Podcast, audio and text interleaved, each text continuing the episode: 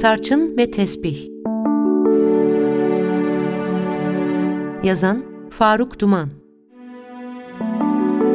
Seslendiren Bahri Aydın.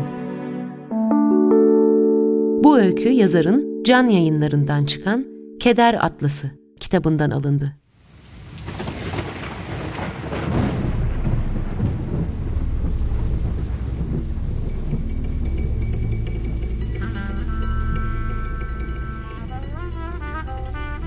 Yağmur yağıyor. Radyoyu kapattı Yakup. Bunu hem de elveda dercesine yaptı. Neler oluyor diye geçirdi sonra içinden gülümseyerek. Neler oluyor bana? Sesleri duymak istemezdi eskiden. Bir kulaklığı vardı radyonun. Bunu kulaklarına taktığı zaman sesi de iyice açardı, duymazdı evi. Dalıp giderdi böylece. Eski zamanları düşünürdü. Eski güzel zamanları. Davullar sanki o günlerin şerefine gümbür derdi. Ziller de bu sebeple çınlardı orta yerde. O vakit Yakup bu kapalı gözlerle dere boyunca koşmaya başlardı. Bir zaman sonra evler uzakta kalır, ağaçların boyu uzardı tabii. Orman yaklaşırdı. Derin, sık orman. Yakup bunu bir kucaklaşma zannederdi de sonra kollarını açardı iki yana. Uzun çay yeşili söğüt yaprakları bir de bakardı ki Nuray'ın saçlarına benzemiş. Belki eteğine. O günlerde evlerden uzakta dere kenarındaki yeşil, serin tepelerde buluşurlardı Nuray'la. Yakup bunu şimdi kederle anımsıyor. O vakit nasıl da gencecikti ama. Nuray da öyleydi. Belki o daha da gençti. Derenin sesine karışırdı kızın sevimli çocuksu bağırışları. Davullar bunun şerefine gümbür derdi. Sonra Yakup uzanır, gökyüzünü önce bir zaman seyreder, sonra kapatırdı gözlerini. Gözün önünde bulutsu iplikler dolaşır. Böylece bunu yineler dururdu. Arzuyla dolardı bir de. Bunun Nuray'ı oraya daha çabuk getireceğini düşünürdü. Gözler açılıp kapanacak, yeniden açıldığında kız gökyüzüne karışmış olacaktı. Ya da gökyüzü kıza.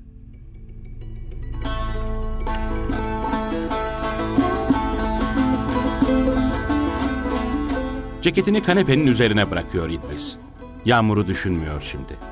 Ne yağmuru ne de ıslanan ceketini düşünüyor. Kurbağaların ayyuka çıkan seslerini dinliyor bir zaman. Dere boyunun şenliğini getiriyor gözlerinin önüne. Şaşırıyor sonra. Ne kadar da uzun zaman oldu diye geçiriyor içinden böyle şeyleri düşünmeyeli. Zaman geçiyor. Dükkandan çıktığı vakit karpuz çekmişti canı. Karpuz sergisinin eşsiz kokusunu duyumsamıştı. Sonra gözlerini ayak uçlarına devirmiş, civardaki karpuzcuları görmemek, koklamamak için açmıştı adımlarını. Bu yüzden de hep. Her şey can sıkıntısıydı. Kadın, karısı ne diye yapmıştı bunu? Olur olmaz konuşacak zaman mıydı? Mutfağa geçiyor usulca. Mutfak yeni bir şeymiş gibi. Öyle ki her vaktin konuğu zannediyor kendini. Geçmiş zamanların konuğu. Buzdolabının kapısını açıyor. Rakıya göz atacak. İlkin bu yapılmalı. Bu pek çok şeyi yoluna kor. İyi diye düşünüyor. İdare eder. Ceketin kokusu çıkmaya başlıyor. Yağmurda kalmaya görsün. Biraz yağmur, biraz da tütün kokuyor ceket. Kaldırıp asıyor onu İdris.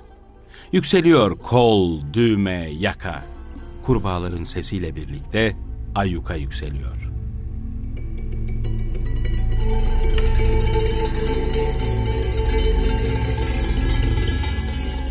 Sesler azalıyor artık. Akşam ezanı okunuyor. Neyi aradığını bilmiyor Ayten. Belki bir şey aramıyor da. Yüklüğü karıştırıyor. Sonra geçip gardırobun çekmecelerine bakıyor. Niçin sakladığını bilmediği oyalı örtüleri geçiriyor gözden. Ceylan işlemeli mendilleri, yastık başlarını. Belki bir gün evlenecekti olan. Belki hiç bakmayacaktı bunlara. Ne çok şey vardı. Gençliğini bunları dokuyarak geçirmişti. Peki niçin yapmıştı bunu? Işığın azalması, akşamın karanlığı neyin cezasıydı bu? Kapatıyor çekmeceleri, doğruluyor. Sesler duydu az önce. Adam, kocası gelip mutfağa geçti hemen, rakıyı açtı. Açınca anason yayıldı içeriye. Dokuyacaksın da ne olacak diye geçiriyor içinden.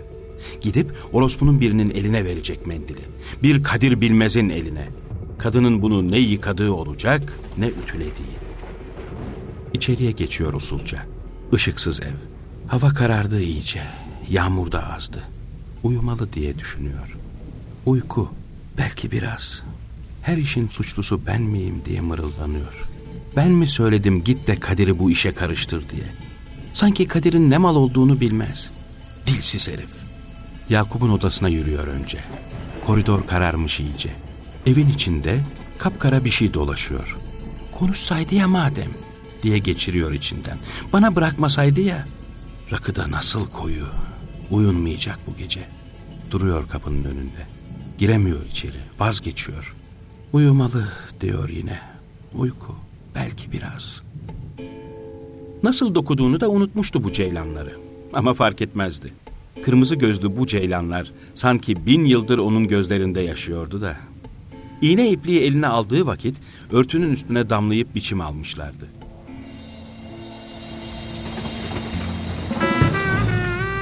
Gerçi ses gelmiyor içeriden. Gelmeyince el, yine eski alışkanlıkların eli, radyonun kulaklığına uzanıyor önce.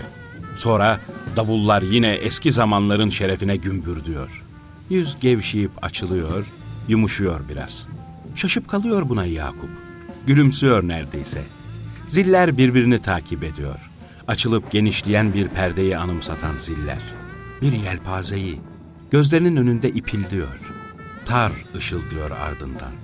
Ayaklarını kanepeye uzatıp parmak uçlarını oynatıyor Yakup. Niçin her sabah bir uğursuzluk peyda oluyor? Ses niçin azalıyor? Niçin kimse konuşmuyor? Yatağa damladığını hissediyor yüzünde izler bırakarak. Tarın ustası diyor. Teli koparacak olsa. Bir keresinde ormanın derinliklerinde bulmuşlardı kendilerini. Eski, uzak bir yaz akşamıydı. Kadının sesi titriyor. Ayva atılıyor, dönen nardır. Böylece narın şerefine tar birken iki oluyor. Sonra yine titreme. Akşamın alaca karanlığının içinden ürkek trenler geçiyor. Ormanda kendilerine yapraklardan bir oda bulmuşlardı. Bir gizli bahçeydi bu. Damarlı yapraklar bahçesiydi. Yakup, Nuray'ın kalçalarına ilk kez orada dokunmuştu. Ne hissetmişti, ne düşünmüştü? Derin bir nefes almıştı kız. Yakup'u kulağından öpmüştü. Tar bu anının şerefine hızlanıyor. Davullar da. Şimdi derenin öbür yakasından trenler geçse. Bunu o günlerde de biliyordu. Trenin kompartmanlarında eski yolcuların eşyası bulunabilirdi. Yalnızca okunmuş gazeteler değildi bunlar tabii. Kitaplar, kalemler, fotoğraflar, yiyecekler, giysiler, daha bir sürü şey. Bir keresinde kapkara bir tesbih bulmuştu bir vagonda. Işıl ışıldı boncukları tesbihin. Ne hikmetse tarçın kokusu vardı. Tarçın ve tesbih diye düşünmüştü.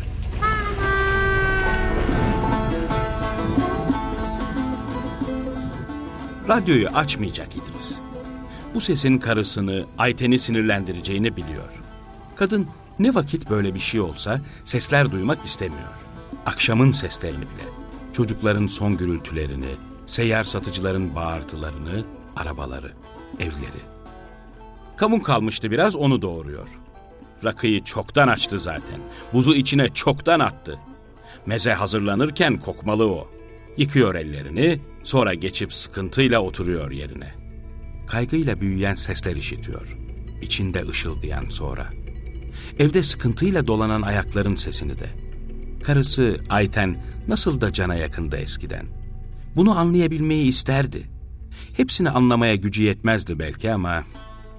Aslında burada gizli bir çocukluk var. Zorlukla anımsadığı bir çocukluk bu. Gözeneklerle dolu. Bu yüzden renkler silik, yüzler de elbette. O vakitler evin dereye bakmayan yüzündeki odasında bir kadim görkemle otururdu babası. Sedirde bağdaş kurmuş oturur, bir elinde ağızlıklı sigarasını tutardı. Öbür elinde de iri taneli bir tesbih bulunurdu. Işıl ışıl bir tesbihti bu. Canlı bir nesneydi. Bir kenarda unutulsa solar, taneler zeytin çekirdekleri gibi matlaşırdı. Sonra çekilmeye başladıkta ama ansızın ışıldamaya başlardı. Bir gemdi bu tesbih. İdris'in babası onu sanki bir Arap atının sırtında çekerdi. Maydanozun üzerine limon sıkıyor. Hayran ol nasıl sebze yedi dağın kokusunu taşıyor içinde. Yeni evliydiler. Ayten bahçeden topladığı maydanozu her akşam yıkayıp ayıklar, bunu bir altın tabağın içinde sevişmenin bir belirtisi gibi sunardı İdris'e. Oturduğu sediri tutup arka odaya taşıtmıştı dede. Dereyi görsün istememişti. Ayten, karısı, dolanıyor evin içinde sıkıntıyla. Işıklar açılmıyor. Anlıyor, aslında çoktan uykusu geldi. Ama uyumayacak bu gece. İkisi de uyumayacak söylenen bunca şeyin ardından. Kadir'in yaptıklarını kendisinin üzerine atacak Ayten. Bunu biliyor. Bu senin yüzünden diyecek. Telefonu sen açtın, çocuğun eline sen verdin. Çocuk telefonun ucunda bir kadın sesi duyunca şaşırdı. Ne söyleyeceğini bilemedi ilkin. Sonra senin öğrettiklerini konuştu bir bir. Mutfağa giriyor. Yağmur diye düşünüyor İdris. Dinmek bilmedi. Dereyi taşıracak bu su. Göğün ne bitimsiz suyu var. Zıkkımlan bakalım diyor Ayten. Gerçi bunu söylerken bakmıyor İdris'e. Neredeyse mırıldanıyor. Ne çok yağdı der gibi söylüyor kendi kendine. Bu çok fena, uzun sürecek. Şunu istemişti. Odada bir başına olsun. Ne derenin şırıltısı bulunsun içeride, ne çocukların gürültüsü. Kendi içinde gümbürdüyen bir oda. Ama elbette tesbihin ışıldayan taneleri birbirine çarpsın. Huysuzlanan gem.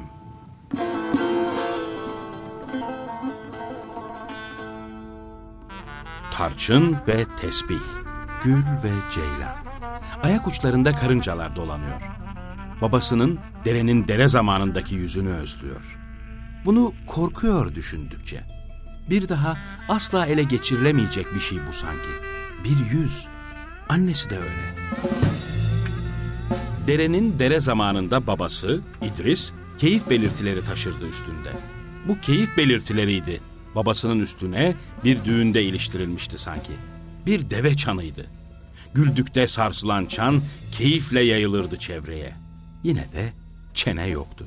Çenede ya da ağzın açılmasını engelleyen bir şey vardı. Bir iğne. Bu yüzden belki kıs kıs güler ama hiç konuşmazdı. Keyfin ayyuka çıktığıydı. O vakit gidip dedenin kadim odasından tüfeği alır, bahçe duvarında günlerce kurşun beklemiş ibriğe nişan alırdı. Havalanırdı ibrik. Davullar bunun şerefine de gümbür diyor. O mevsimde Nuray en sevimli günlerini yaşardı. Al yanak ona özgüydü. Yanında taşırdı bunu hep. Derenin öbür yakasından trenler geçerdi. Uzunlu kısalı trenler. Yolcular trenin penceresinden başlarını uzatıp önce dereye, sonra kasabaya bakarlardı, sonra da önlerinden bir taş köprü geçerdi. Kadehi bırakıyor elinden. Eski zamanların gümbürtüsünü duymak isterdi. Trenlerin geçişini. Bu geçişte kurbağaların çılgıncasına öttüğünü, korkuyla ya da neşeyle eşlik ettiğini trene, yolcuların hüznünü, yaklaşan istasyona sinmiş pas kokusunu, isabetin hevesle uçurduğu ibrikleri, hepsini yeniden duymak isterdi. Yağmur yağıyor. Ceketini sırtına geçiriyor yeniden. Damlalar pencere camlarını dövüyor. Bahçede oluşan birikintileri. Babasının kadim odasına geçip alıyor eline tüfeği. Yakup gün boyu hiç çıkmadı odasından. Gittikçe daha sessiz bir çocuk oluyor. Ne de çabuk eskiyor her şey. Ayten, karısı, gümbürtüyle kapatıyor kapıları. Bahçeye çıkıyor. Belki biraz yağmur yese, derenin sesine karışsa. Bahçe duvarının üstüne yeni bir ibrik koyuyor. Geçiyor sonra karşısına güm. Artık herkes biliyor. İdris'in sözü bu. Bir daha.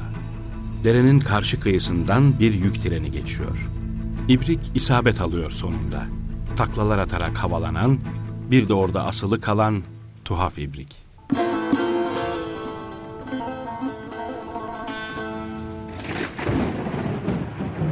Faruk Duman'ın Tarçın ve Tesbih öyküsünü Bahri Aydın seslendirdi.